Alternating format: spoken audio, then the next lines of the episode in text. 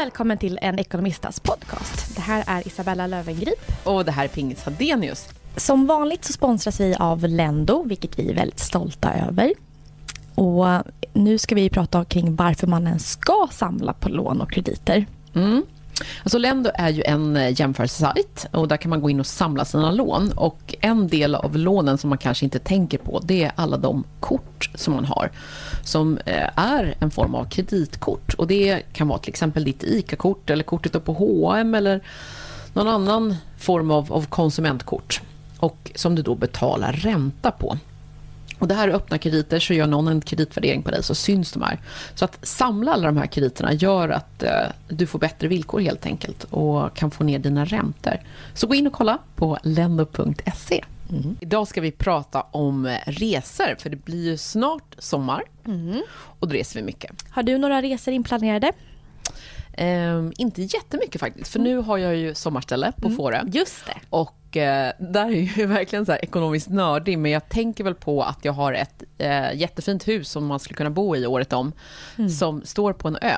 Uh, så att jag vill verkligen maximera tiden där. Jag försöker åka dit mycket på mm. andra delar av året. Men största tiden ska jag faktiskt vara där. Så att mm. jag har lite så här blåst av massa Um, många kompisar som har velat göra saker har sagt nej men kom till mig istället. Mm, klokt. Och det är också ett jättebra sätt för att um, då kan många komma och hälsa på så behöver inte jag hålla på och röra på nej, mig. Nej men verkligen, det är klokt. Uh, men sen är det, tror jag också för mig att när vi uh, har sån himla full fart i bolagen mm. så är får är min plats på jorden för, vad ska jag säga, ladda batterierna. Mm. Så förra året hade vi ja, som en liten konferensresa dit. helt underbart. Så jag tror väl att ni kommer dit i år också. Jag hoppas det. Mm. Och um, jag ska, jag var i Spanien nyligen med kompisar och nu så ska jag tillbaka fast då till Marbella. Mm. Två vänner. Där var ju mm. vi på en hel konferens med LCC. Mm. Eh, så himla häftigt att kunna bjuda ner anställda på en sån resa. Ja, det var häftigt. Vi var över 20 personer. Ja, det var så det häftigt. Fantastiskt och det var roligt. så bra hotell, så nu mm. åker jag dit med vänner. Mm. Men jag ska nog försöka resa lite tror jag. Um, och då på tal om det vi ska prata idag, mm. reseekonomi, vad man ska tänka på. Mm. Och det klassiska är ju ofta det här att eh, om man tänker sig Svensson eller Svensken som eh, där i juni sitter och tittar på väderleksprognosen mm. och så ser man, ja, men som nu april och maj har varit, det har haglat och snöat, det har varit helt konstigt. Och så känner man, och nu har jag mina två, tre fantastiska semesterveckor här, jag måste få sol och bad. Mm. Och så bokar man en sista minuten resa. Mm. Och någon som vi pratade om häromdagen som tyckte att wow, hon hade bokat så himla billigt hus i Grekland mm. och sen hade flygbiljetterna blivit just jättedyra. Det, just det. Så det handlar ju om att till att börja med titta på vad kommer hela resan att kosta? Mm. Det kan vara livsfarligt att till exempel, eh, som jag såg att jag hade gjort till hösten, har bokat hotell någonstans mm. i Spanien, eh, så jag har inte bokat flygresan än. Och det kan bli jättedyrt eller finns inte bra flyg eller något Nej. sånt där. Så Ja, det handlar ju om, om planering. För jag, för jag är själv en sån här person, om jag sitter i en sommarstuga och så regnar det i två veckor. Då tänker jag på så här, men det här ska ju vara vår kvalitetstid med familjen, vi ska ladda batterierna för en höst. Så jag, där är jag, är jag en sån här person som kan gå på de här dyra resorna för att jag måste iväg nu, nu, nu. Mm. Um, Gjorde och, inte ni något sånt förra sommaren? Jo, tack. Ja, ja jag kommer ihåg.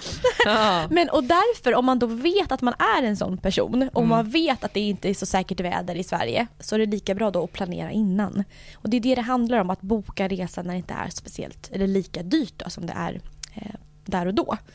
Eh, så det är väl det som är det viktigaste med allt, alltså planering. Den andra viktiga punkten är att man ska köpa resan på sitt kreditkort.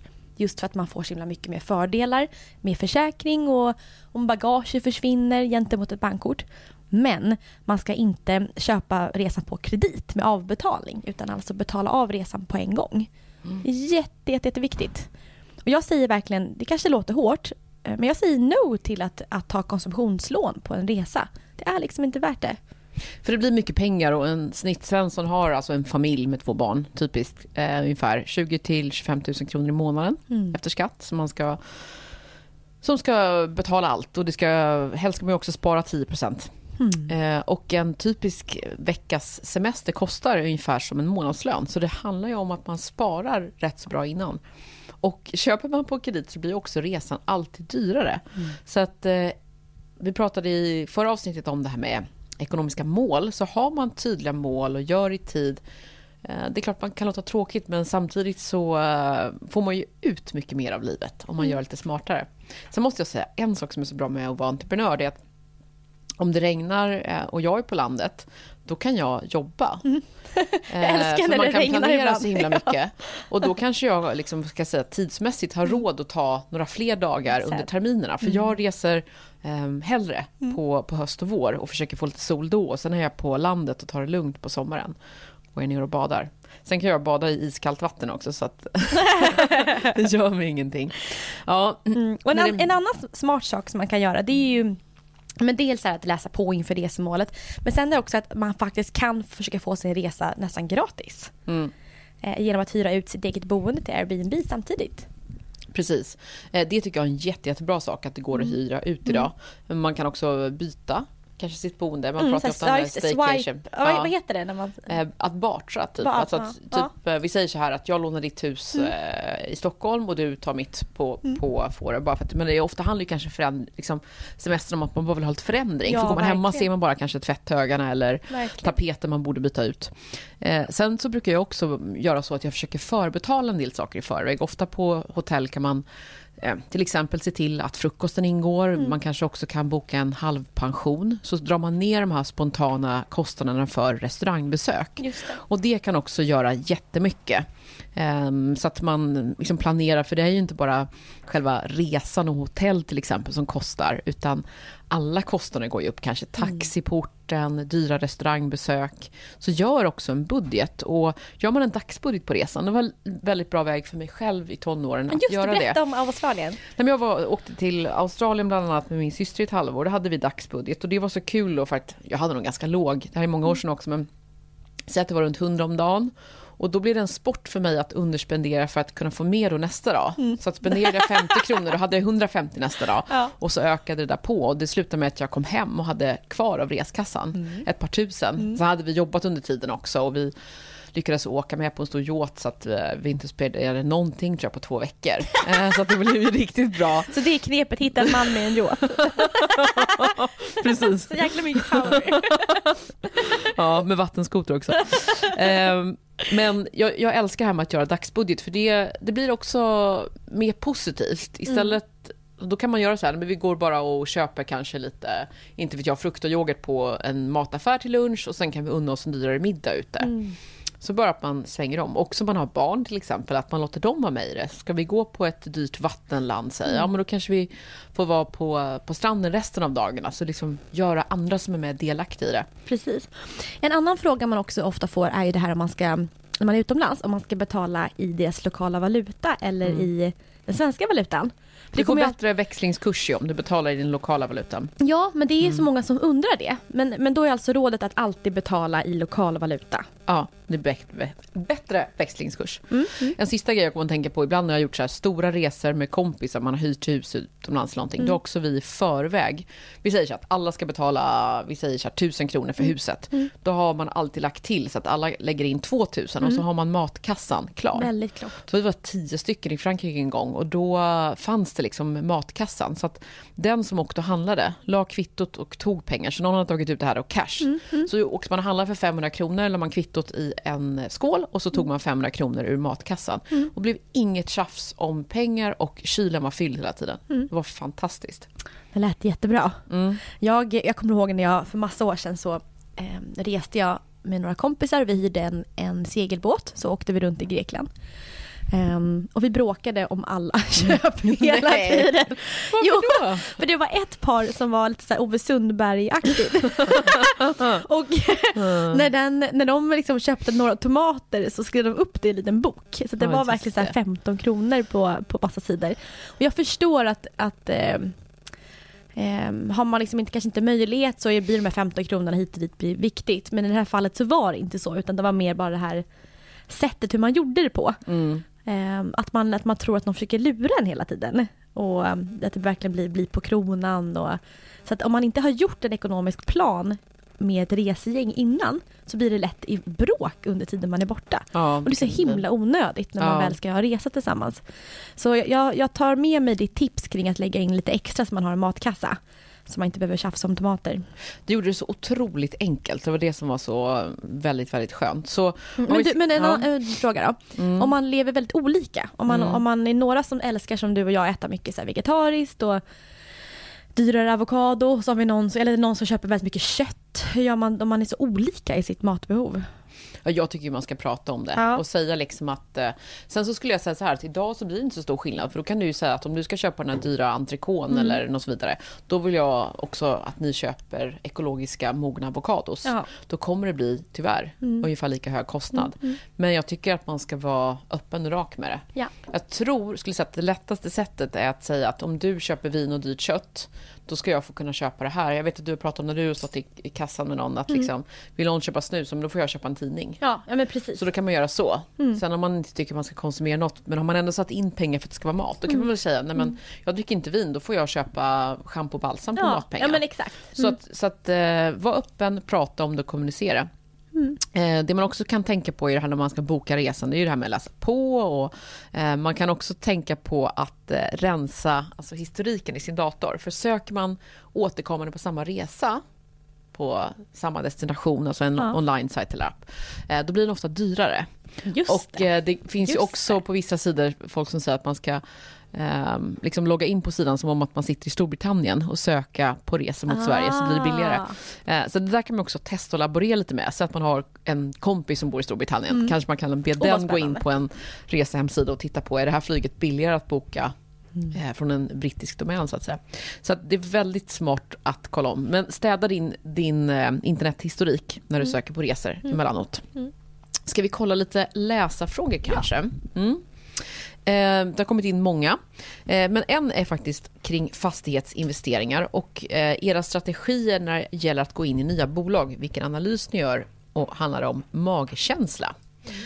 Eh, till att börja med kan jag säga att eh, för mig är det två ganska olika saker och kanske något vi har tittat på mer på senaste tiden är onoterade bolag, alltså bolag som inte ligger öppna på en börs där vem som helst kan gå in och köpa och sälja aktier.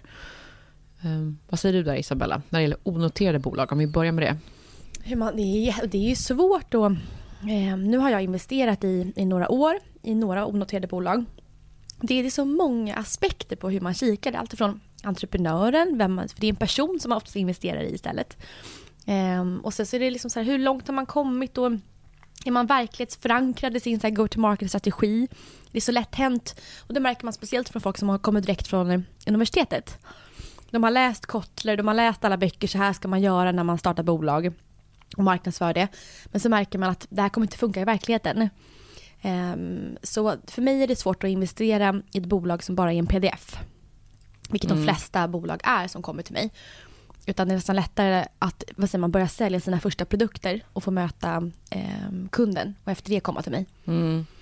Ehm, så det, det handlar liksom om att man, att man ska vara...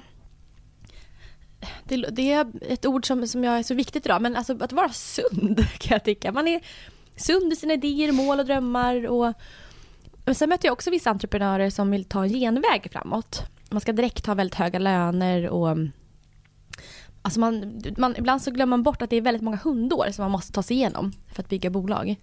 Ibland så kan man känna att det där att, att perso- personen man möter att den inte är prestigelös nog. Eh, och det, det kan jag tycka är jobbigt. Mm. Då går det inte heller.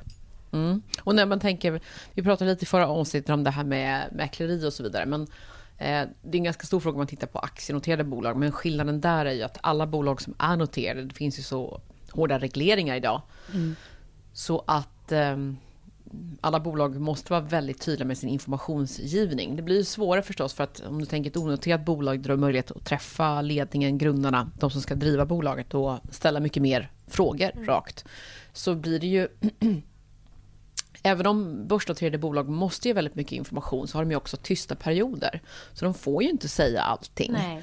Om vi säger att det skulle gå jättedåligt för oss och vi är börsnoterade, då är det i vissa delar av året jag som vd får kommunicera det.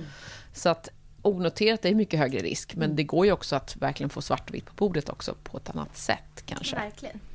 Ehm, Men eh, jag håller med dig att det handlar väldigt mycket Alltså gå tillbaka till en sund affärsidé är Mm. jätteviktigt, vilket bolag det än är, noterat som onoterat. Men att genomförandet är så viktigt och genomförandet görs av människor. Så att hur engagerad ägaren och ledningen är betyder mycket. Mm. Jag tycker det är lite skrämmande när man ser till exempel ett noterat bolag som bara har stora fonder som ägare. För det är ändå ägare som jag ser som relativt kortsiktiga som ska gå in för att eh, under en viss period göra en finansiell avkastning medan Mm. kanske inte så personligt engagerade. Är det någonting som man kan se när man tittar på bolag? Ja, Fördelningen? absolut. På... Ja, Okej. ägarstatistiken går ju att se. Du kan gå in på SIS ägarservice till exempel Okej. eh, och läsa det. Och sen är det ju många eh, tidningar, eh, inte just tidningar men liksom nätet, du kan ju söka. Sen har ju FI, alltså Finansinspektionen, den här insynslistan. Eh, och de eh, skickar ju ut och informerar om när större ägare gör större ägarförändringar. Mm, mm. Så det tycker jag också alltid är intressant om man ser till vissa bolag som har stora, starka som privata ägare. När de gör förändringar i sitt innehav och vad det beror på. Eller en vd till exempel. En, nu kommer jag på en jättebra sak vi måste Mm. prata om. Ehm, på tal om resa. Mm. Hur blir man uppgraderad på när man ska flyga eller på ett hotell? Om vi har några knep. Det tror jag Mm. många undrar. Kommer du ihåg en gång när vi skulle flyga till New York och vi Ja. lyckades, både du och jag lyckades bli uppgraderade och de drog bara bonuspoäng för en person. Ja, det var och lycka. där, ja, men där kände jag att vi connectade med flygvärdinnan för hon kände så här, eh, I wanna make your day. Ja, Lite så. verkligen. Ja. Men då Ehm. gick vi fram, vi var liksom snyggt klädda, trevliga, Mm. glada och bara En- ställde frågan. På, när det gäller eh, flygbolag så ska man vara SUP, Suitable for Upgrade. Och det handlar om att du ska vara snyggt klädd. Och jag älskar den Och förkortningen. det kommer att vara så roligt gång jag skulle flyga till Tokyo med min dåvarande pojkvän och eh, han och jag kom i, jag tror han och hade någon sån här Moschino-mysdress, men eh, det var fortfarande... Det var ändå Moschino. Ja, men det var velour typ. Och jag var också så här lite så här, eh, nu ska vi sova på planet klädd. Eh, medan hans yngre bror kom i skjorta och var så här välklädd, såg ut som en bankir. Mm. Han blev uppgraderad, inte vi. Så på vägen tillbaka från Tokyo så är vi så här snofsigt uppklädda och Mm. blev uppgraderade. Så att hur man ser ut betyder mycket. Absolut. Mm. Eh, och de vill ha lite mer fint klädda människor i, i business, helt enkelt. Och då kan man ju samla poäng för att Och bli en fråga då, ska man, ska man be om uppgradering när man checkar in vid disken eller ska man göra det vid gaten? Vad tror du är lättast? Alltså jag har insett att man ska fråga på alla instanser man kan. Faktiskt. Plus att det jag gjorde här i julas skulle min mamma flyga och möta mig och då förde jag över poäng till henne först och jag ringde till SAS hela tiden och så var den här flighten fullbokad. Då kunde man föra över poäng. Men där man kan nu, nu gäller det här bara SAS, där kan man gå in och buda på en uppgradering. Och, då kan, och det är lite lurigt för då vet man inte, då kan en uppgradering bli jättedyr det. inte kosta någonting.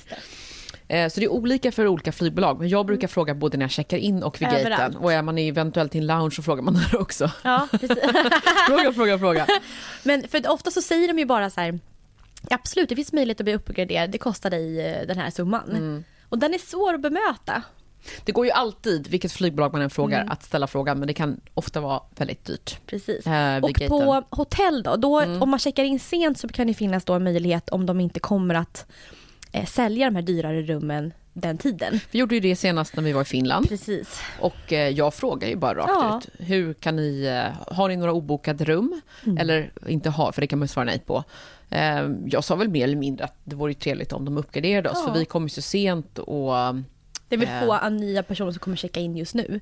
Precis, och frågade hur de kunde helt enkelt eh, Få lite få lite bättre rum för oss och att vi verkligen skulle uppskatta det. Mm. Och då, grejen där är att göra det på ett positivt sätt. Att säga liksom, jag skulle bli så himla glad. Mm. Hur kan du hjälpa mig?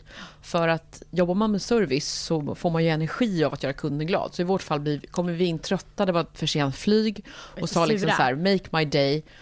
Och så blev vi ju superglada för att vi fick finare rum. Och Mm. då fick ju de världens boost av att så här, vi ger energi för att vi fick finare rum. Precis, för människor vill ju hjälpa varandra. Man, man, det ligger väl ändå i oss Så någonstans. det.